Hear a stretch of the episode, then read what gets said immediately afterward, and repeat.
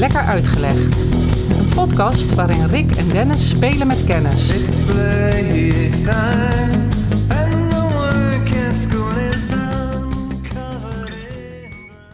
Heb jij ooit in je leven iets geruild of verkocht waar je later spijt van kreeg?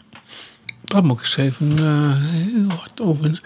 Verkocht, hè? Niet gekocht. Ja, of geruild, of maar in ieder geval, je hebt iets eh, de deur uitgedaan waarvan je later dacht van, nou, zonde. Ik wou dat ik dat nog had. Ja, ik ben nogal van het verzamelen. In de zin dat ik dingen bewaar waarvan ik denk... oh, dit kan ik nog wel eens gebruiken. En dat is ook al een paar keer uitgekomen. En soms zijn het hele simpele dingen als... eh, eh, weet ik veel, een tube lijm. Een hele speciale lijm. Denk, Daar zijn er genoeg van te krijgen.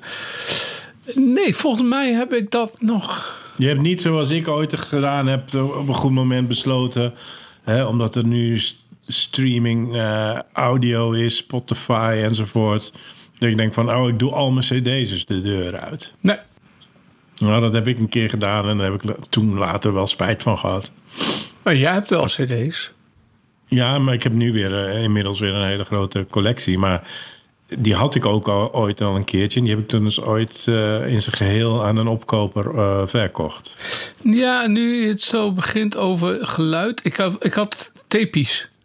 Eh, cassettebandjes. Ja. En daar zaten onder andere opnamen bij van live opnames van mijn Dixieland Band. Oh, en die ben je nou kwijt. Ja. Heb je die weggedaan? Ja, op een gegeven moment ga ik kijken van wat heb ik hier allemaal. En ik heb nog wel cassettebandjes en we hebben ook nog een cassettedek. Ja. Ehm, maar eh, in het kader van ik wil niet zoveel spullen hebben. En Ja, ja, in ja. hoeverre ga ik die bandjes beluisteren? En zijn de kwaliteit van die bandjes niet echt heel erg aan het achteruit gaan? En kan ik ze niet beter op cd hebben? Die je natuurlijk ook weer weg kunt doen, zoals blijkt. Hè? Ja, ja, ja, Eh, maar ik, nou, nee, ik, ik, Nee, je hebt niet echt iets dat je denkt van nou... Niet waar ik spijt van spijt als haar op mijn hoofd dat ik ooit dit verkocht heb of eh, weet ik wat. nee. Nou, ik, de, de, de reden dat ik het vraag is omdat ik het met jou wil hebben over misschien wel... en dat kunnen we aan het eind even met elkaar overleggen... eh, de slechtste ruil uit de wereldgeschiedenis. Daar ga ik het met je over hebben. Dat klinkt alsof er een, eh, een eiland voor een eiland is verruild of iets dergelijks. Of, eh, Precies daar wil ik het over Oh, hebben. hey, ik was wel. Ja, ik zat te denken. Maar dan komen we misschien aan het eind nog wel over. Over die eh, man of mannen die begonnen met een paperclip. Oh, en dan steeds aan het ruilen zijn. Ja, ken je dat verhaal? Doen we straks misschien Nou, nog wel even. Of, Dat doe ik straks wel even, ja. Ik ken het niet helemaal, dus je kan, mag het eh, eh, van mij straks eventjes herhalen. Nee, ik ga naar de, eh, de, de slechtste ruil uit de wereldgeschiedenis. Ehm, voordat we uiteindelijk bij de ruil zijn, gaat daar wel een hele geschiedenis aan vooraf. Dus ik begin natuurlijk even een stukje, stukje eerder. En eh, dat is een tijd waarin eh, Europa, Europese landen, maar eigenlijk de hele wereld bezig is met eh, veroveren, koloniën stichten, op zoek zijn naar handelsmonopolieën, zoals de Hollanders bijvoorbeeld, als het ging om eh, specerijen. ja. We zijn aan het ontdekken hoe de wereld eruit ziet, hoe de wereld begaanbaar is, enzovoorts. Ehm, voor de Hollanders, de Portugezen en ook de Britten was eh, de belangrijke drijfveer eh, de- waren de specerijen. En dat was niet zomaar, want die specerijen, we hebben het wel eens vaker gezegd, peperduur is niet voor niks peperduur. Dat is omdat peper duur was. En dat was vooral duur omdat peper via land, via handelsroutes, eh, uiteindelijk naar de markt in, ik zeg maar wat Amsterdam, gebracht moest worden. En onderweg moesten er natuurlijk heel veel mensen geld aan verdienen, waardoor een peper, eh, een kilo peper van 10 euro, als die in Amsterdam was, was die eh, misschien wel 500 euro waard. Ja. Eh, En daarom was het voor de Europese markt, waren specerijen ontzettend, oftewel peperduur. Nou, daar kwam bij dat het, de toegankelijkheid, hè, het is een schaars goed, dat zorgt ook voor een hoge prijs. Dat hebben we gezien bijvoorbeeld toen we het hadden over de tulpenbollen. Eh, eh, eh, dat hele marktmechanisme, dat denk ik dat de meeste mensen wel kennen. Ehm, nou, dat was natuurlijk in het verleden niet anders. En de handel in specerijen kreeg een enorme knauw toen het Ottomaanse Rijk in opkomst was. De Turken die eh, veroverden in vij- 1453 Constantinopel. En daarmee kregen zij eigenlijk eh, een groot deel van de handelsroutes eh, in handen. En dat maakte dat wij hier in Nederland bijvoorbeeld veel slechter aan die specerijen konden komen. En inmiddels was dat natuurlijk een groot handelsgoed waar heel veel geld in omging. Dus die handelaren, net als de Portugezen, net als de Britten, die met hetzelfde probleem te maken kregen. We hebben het ook al eens gehad over de Middellandse Zee, die minder goed toegankelijk was vanwege de eh, eh, eh, kapingen en de veroveringen daar. Handel werd steeds moeilijker. Dus wat gingen de Portugezen, de Engelsen en de Nederlanders doen? Op zoek naar zeeroutes om aan specerijen, aan die dure specerijen te komen. Dus op een alternatieve manier, waarbij ze die Turken links lieten liggen, waarbij ze de Middellandse Zee misschien een beetje links lieten liggen. Er moesten alternatieve zeeroutes gevonden worden om bij die specerijen te komen. Want tot dat moment. Ik stel me altijd voor dat specerijen, peper en dergelijke pas in de 16e eeuw bij ons kwamen. Maar is. Heb ik het daar mis? Was er al eerder eh, via de Ja. zijderoutes of welke. Ja. eh, Ja, was, via de landroutes waren die, eh, eh, die kruiden waren, eh, al lang op de Europese markt Echt waar? te verkrijgen. Kijk, ik, ik heb daar zo'n verkeerd beeld bij, dus blijkbaar. Nou ja, kijk, de reden precies die ik net noemde, is dat die specerijhandel hè, en die, die, die, die, die zoek naar die zeeroutes en het succes wat Nederland, Portugal en, en Groot-Brittannië daarin hebben gehad hè, en de rijkdom die daaruit voortvloeide. Kijk, dat is natuurlijk in het oog springend. Hè? Dat, is, dat is de katalysator geweest. En dat lezen we natuurlijk heel vaak in de, in de geschiedenisboeken. Maar die aanleiding is natuurlijk ook omdat die landhandel geblokkeerd werd door de Turken. Maar die was er wel al heel lang. Ja, oké. Dus eh, dat was er eigenlijk de katalysator om die alternatieve route te zoeken. En dus ook mm, via zeeroutes eh, eh, nog grotere delen van de wereld te gaan verkennen.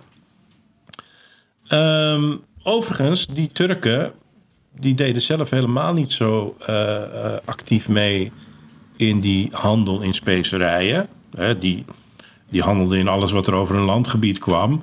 Maar dat wordt later ook wel gezien als misschien wel een reden waarom dat Turkse Rijk uiteindelijk, het nog heel lang hoor, eh, ergens in de 19e eh, eeuw eigenlijk op zijn beloop kwam. Omdat ze eigenlijk de slag in de handel en de kolonisatie van de wereld eigenlijk gemist hadden.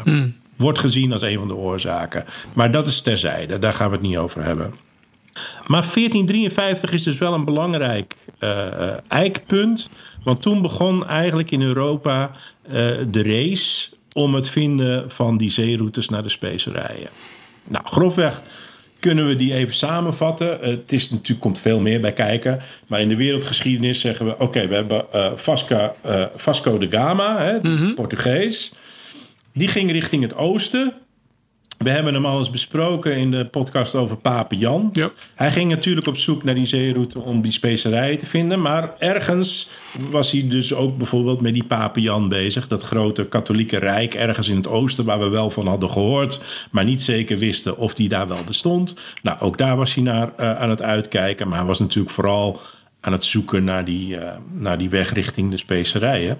En we hebben aan de andere kant Columbus. Die ging naar het westen ook op zoek. Hè, want hij dacht dat hij via de westelijke route eh, naar Indië kon, hè, naar de kust van China enzovoorts.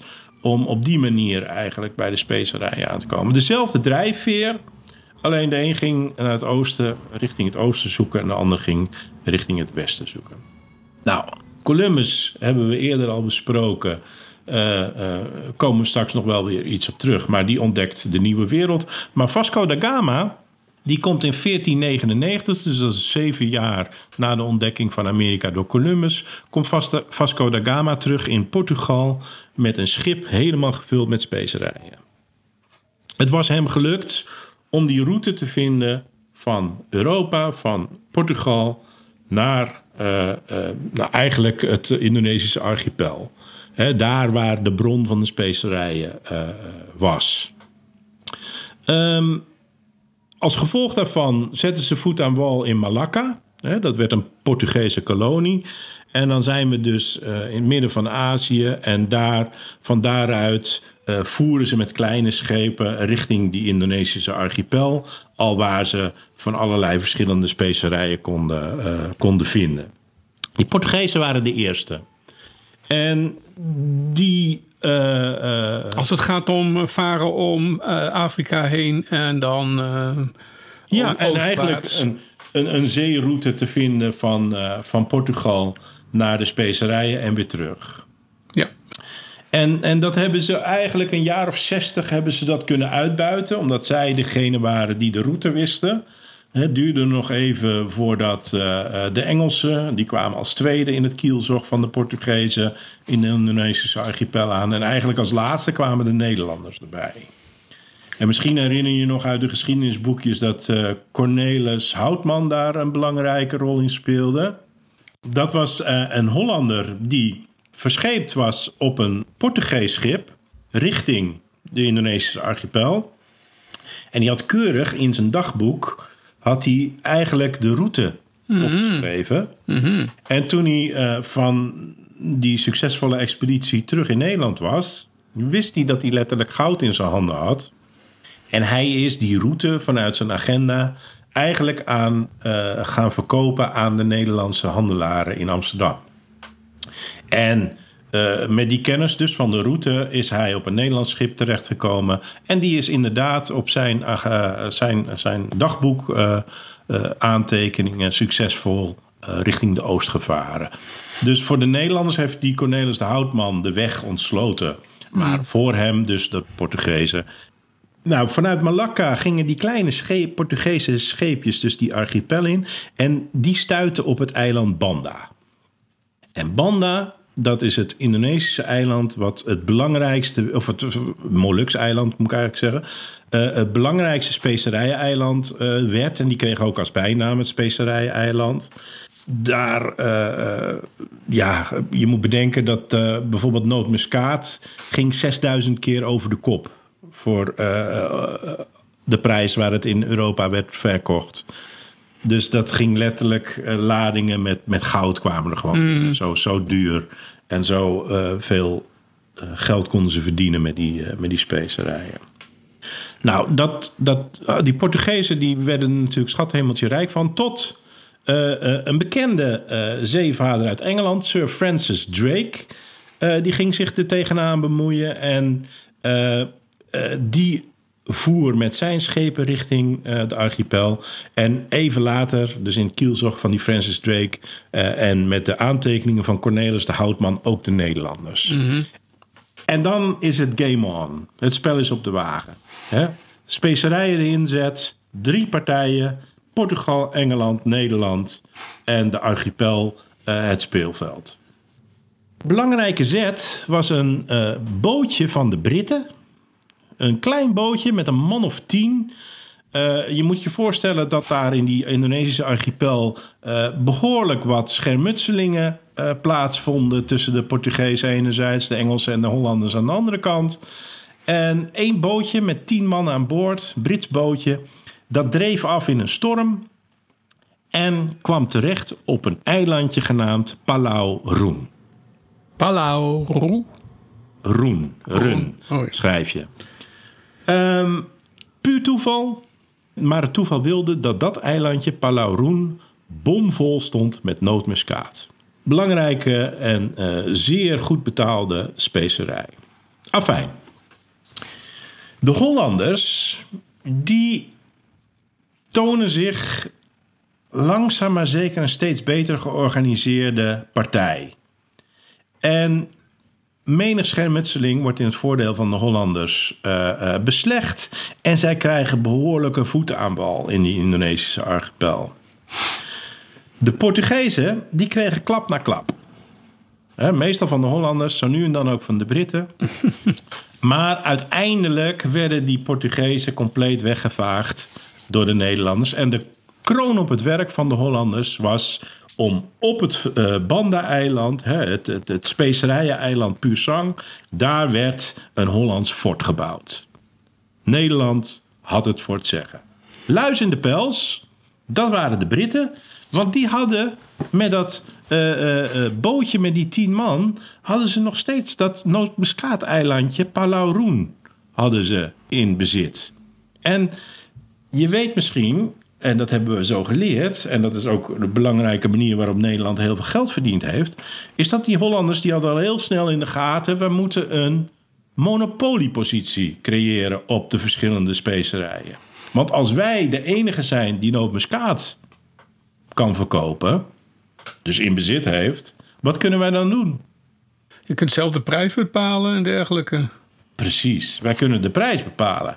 En daarmee kunnen we eigenlijk eh, vragen wat we willen en de prijs opdrijven en ontzettend veel geld verdienen. Dat was de theorie en de handelswijze die Nederland eh, eh, had bedacht voor de Indische archipel. En dat betekende dus dat die luis in de pels, die Britten op dat kleine eilandje Palauroen, dat die eigenlijk ook aan de beurt waren. Die moesten daar weg. En het was een heel klein eilandje, Rick. Maar grappige is dat in de titel van de koning van het Britse Rijk. Die, eh, dat was in die tijd koning eh, Jacobus I. Die droeg de titel, of zijn officiële titel was koning van Engeland, Schotland, Ierland, Frankrijk, Pulowai en Puloroen. En dat Pulauroen, dat is dat kleine eilandje met nootmuskaat. Pulawai, dat was een eilandje daar in de buurt. Maar dat was minder van belang. Dat is heel gek eigenlijk. Hè? Ik bedoel, eh, Schotland begrijp ik nog wel, onterecht, maar eh, oké. Eh, Ierland, Wales. Frankrijk, geschiedenis, hè, eh, vanaf uh, Azincourt, eh, eh, de, de 100-jarige oorlog en dergelijke. En Ja. eigenlijk veel verder terug naar eh, Willem eh, de Veroveraar enzovoort. Dat begrijp je nog wel. Maar dan kom je met, Ja. met twee eilandjes. Twee piepkleine eilandjes. En onwijs ver weg ook. En die zitten dan in de betiteling van een koning. In de, in de, in de officiële, ja, noem je zoiets? Officiële titel. Titel, ja. Ja, dus dat wil wel zeggen dat dat eh, eh, eh, weliswaar een klein eilandje is, maar groot genoeg om in de titel van de koning plaats te nemen. Naast Frankrijk, naast Ierland, naast Schotland en naast Engeland. Oké, ondertussen Rick. Dit wetende, gaan we eventjes met ons blik naar het westen. En je bedoelt echt over de Atlantische Oceaan. Over de over die oceaanrug heen. En Ja, ja want de, de, de, de race om de routes eh, naar de specerijen tussen de Britten en de Hollanders, die was ook in volle gang op het Noord-Amerikaanse continent. Hè, dat werd ook ontdekt. Dat moest ook eh, eh, in kaart gebracht wo- worden. En om dat te doen hadden de Hollanders niemand minder dan Henry Hudson, een bekende ontdekkingsreiziger uit Groot-Brittannië, hadden ze ingehuurd. van de rivier. Ja, van de rivier. En eh, eh, die kreeg de opdracht om een noordwestelijke route te vinden eh, voor, de, voor, voor de handel in, in specerij. Maar dat lukte niet. Die stuitte op allerlei problemen en die route vond hij niet. Hij zeilde toen van Newfoundland naar het zuiden, kwam langs Cape Cod en daar in de buurt stuitte hij op een lang eiland. Long Island. Tegenwoordige Long Island. Eh, klein, vruchtbaar, aan de monding van wat we nu dus, je zei het De al, de Hudson Hudson-rivier rivier, noemen. ja. Perfect. Daar eh, hij voela- voet aan wal en eh, ligt de Hollanders in. Eh, Hudson zelf, die sterft vrij snel daarna, muiterij op zijn schepen. Maar die Hollanders, die zagen daar wel brood in, in dat vruchtbare eilandje. Op de zuidpunt daarvan werd een kleine kolonie gesticht door de Hollanders. En daar bouwden ze exact de kopie van het fort die ze eerder al in Banda hadden gebouwd. Dus datzelfde fort staat in Banda en datzelfde fort staat op de zuidpunt van Long Island. Die, eh, eh, de rest van het, eh, van het eiland, dat werd door Peter Minnewit gekocht in 1626. En het fort wat daar gebouwd werd, werd toen omgedoopt naar Fort Nieuw Amsterdam. Ja. Dus dat vindt in 1626 plaats. Gaan we weer terug naar de oost. Want we hebben nu het beeld, twee perspectieven. Hè, Columbus de ene kant, Gama de andere. En het stichten van koloniën in beide eh, windstreken. Nou, terug naar de oost. Daar gaat de race om de specerijen tussen de Britten en de Hollanders gewoon door. De Portugezen die zijn wat meer op de achtergrond gera- geraakt. En eh, vooral natuurlijk stond nog steeds op het spel dat eilandje eh Pulau Run. Inmiddels is in Nederland, in Holland, de gezagvoerder niemand minder dan Jan Pieterszoon Koen. De slager van Bantam later genoemd om Ja. eh, zijn brute optreden daar. Maar hij is op een goede dag aan land gegaan in Pulau Run. Op het moment dat de Britten daar even niet waren, ze lieten het eh, eiland even onbemand. En dat was het moment dat hij met een aantal man het eiland opging en daar alle nootmuskaatbomen heeft omgekapt. ja, het ging. Kinderachtig. Ja, schermutseling. Allemaal schermutselingen. Dit was er één van. Doel natuurlijk, achterliggende doel is om uiteindelijk eh, dat hele eiland in handen te krijgen. En, eh, maar natuurlijk die monopolie op die nootmuskaat te krijgen. Want als ik dat eiland niet krijg, Rick, maar ik weet wel alle bomen te slopen, dan heb ik evengoed dat monopolie. Ja. Dus dat was het achterliggende drijfveer van Koen en zijn kornuiten. Maar net als jij zegt van, oh, wat kinderachtig. Hè, dat leefde natuurlijk ook wel een beetje bij die Hollanders. Dus ehm, het sentiment kreeg voeten aan de grond van... jongens, we moeten eens ophouden met al die schermutselingen. Laten we eens aan tafel gaan... en laten we eens kijken of we het gewoon in pais en vree kunnen oplossen. Dat doen ze. 1667 is het jaartal en men komt bij elkaar in Breda. Het verdrag van Breda. Namens eh, Holland zit daar Johan de Wit aan tafel. En Johan de Wit die start de onderhandelingen met de Britten. Ondertussen was ook nog zo dat de Hollanders in de Theems de Britse vloot aan het verbranden waren. Kortom, er was over en weer een hoop ellende. Dus niet alleen in Oost, niet alleen in Europa zelf, maar ook in de West. Hè? Eh, Pulau Roen, Theems en eh, Nieuw-Amsterdam. Daar werd de, ge-.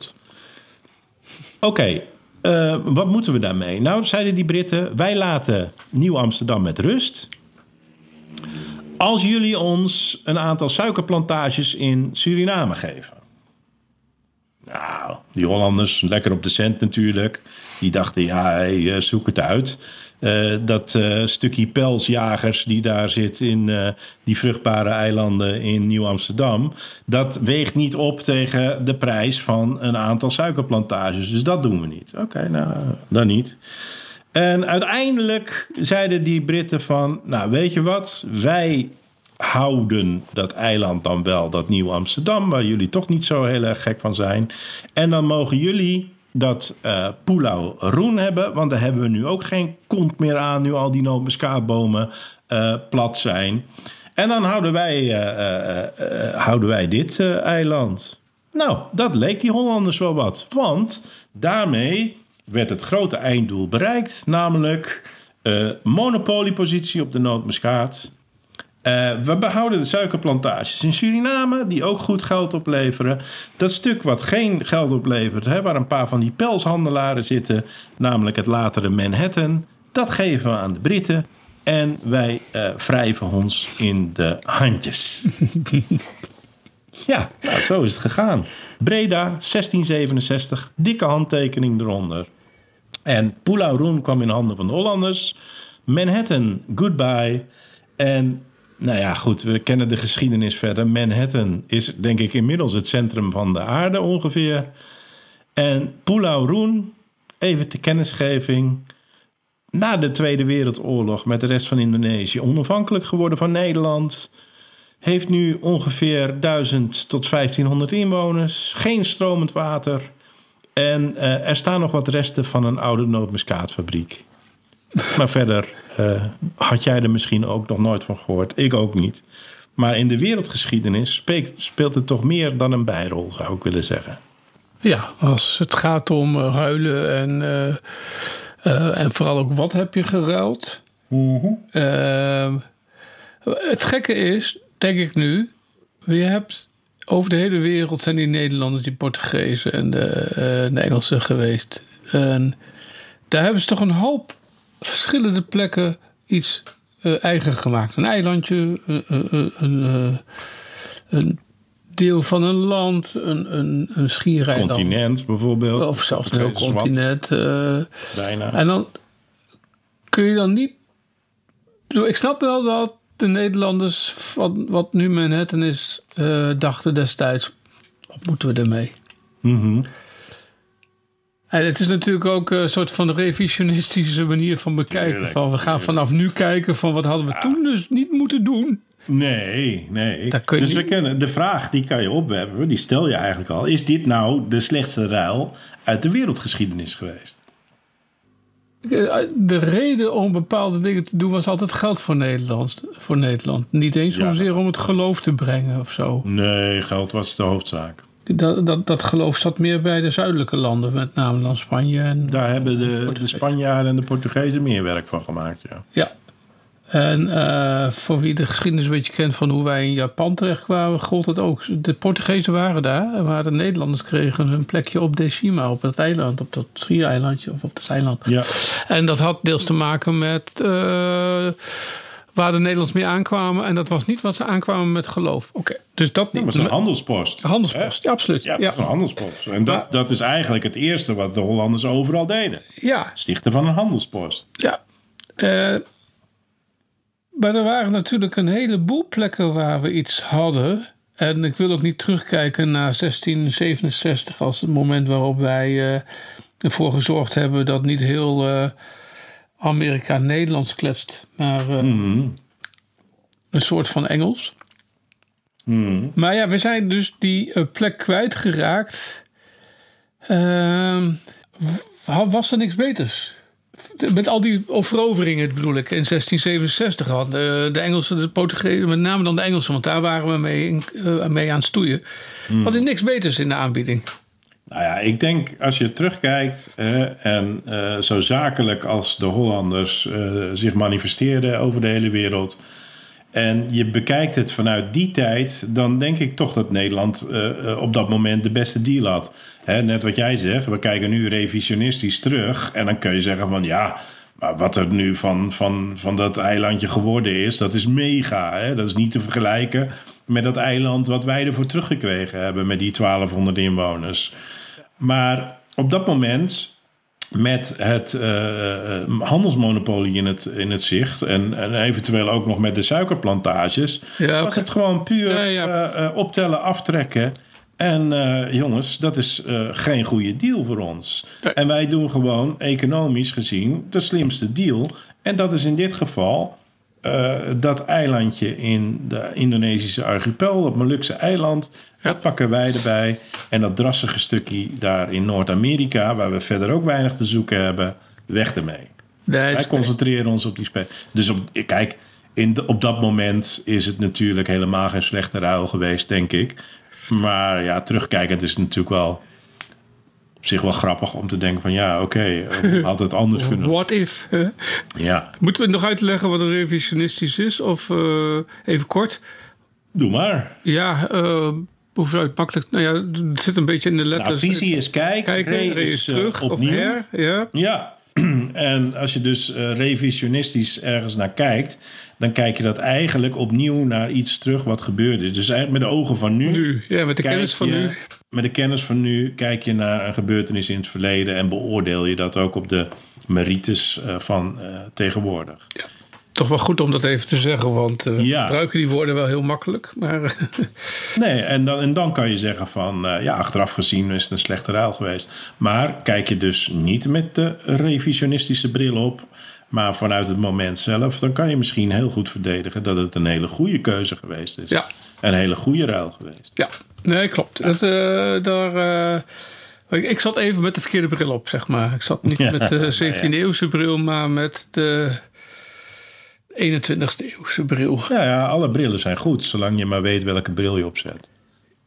Ja, en wat je denkt te zien. Want eh, met die bril van de 17e eeuw, wat je zegt, terecht zegt, ze hebben eh, daar een goede deal gesloten financieel. Ja, ja. Qua handel, qua monopolie, qua, nou ja. ja. Nou ja, en kijken we nu met onze eh, huidige bril naar bijvoorbeeld de, de, de, de, de straatnamen in New York of de, de wijken. Dan komen nog heel veel leuke, en dat zijn de trivia natuurlijk, heel veel leuke Ja. stukjes Nederland tegen in, eh, in New York. En dat is misschien ook iets eh, wat altijd wel leuk blijft. Hè? Ja. Noem er eens een paar, je weet er vast wel een paar uit je hoofd. Brooklyn. Brooklyn, dat no sleep till Breukelen. Breukelen, ja, dat is vernoemd naar het, eh, naar het Nederlandse Breukelen. Ja. Fla- Flushing. ja, wat was dat? Vlissingen. Vlissingen. Ja, Flushing Meadows, dat is nog steeds een belangrijkste tennistoernooi. Ja. De, Ja. de American Open of de US Open. Flushing Meadows, ja. Ik eh, mis één. Is gehad. Dat zijn voor mij de twee mm, voor meest voor de ik- met Hans. noem Ja, noem nog een eens een paar. Ja, een paar leuke. Ik, ik noem ze niet allemaal. Eh, Coney Island. Nee. Dat was Konijneneiland. Ah, oké. Dat is niet zozeer vernoemd naar een stad hier. Nee, nee, nee. Maar eh, dat, zo werd het door de Nederlanders genoemd. Ko- Konijneneiland. Ah, en dat is verbasterd naar Leuk. Coney Island. Ah, ja, ja, ja, zeker. Ehm, Broadway.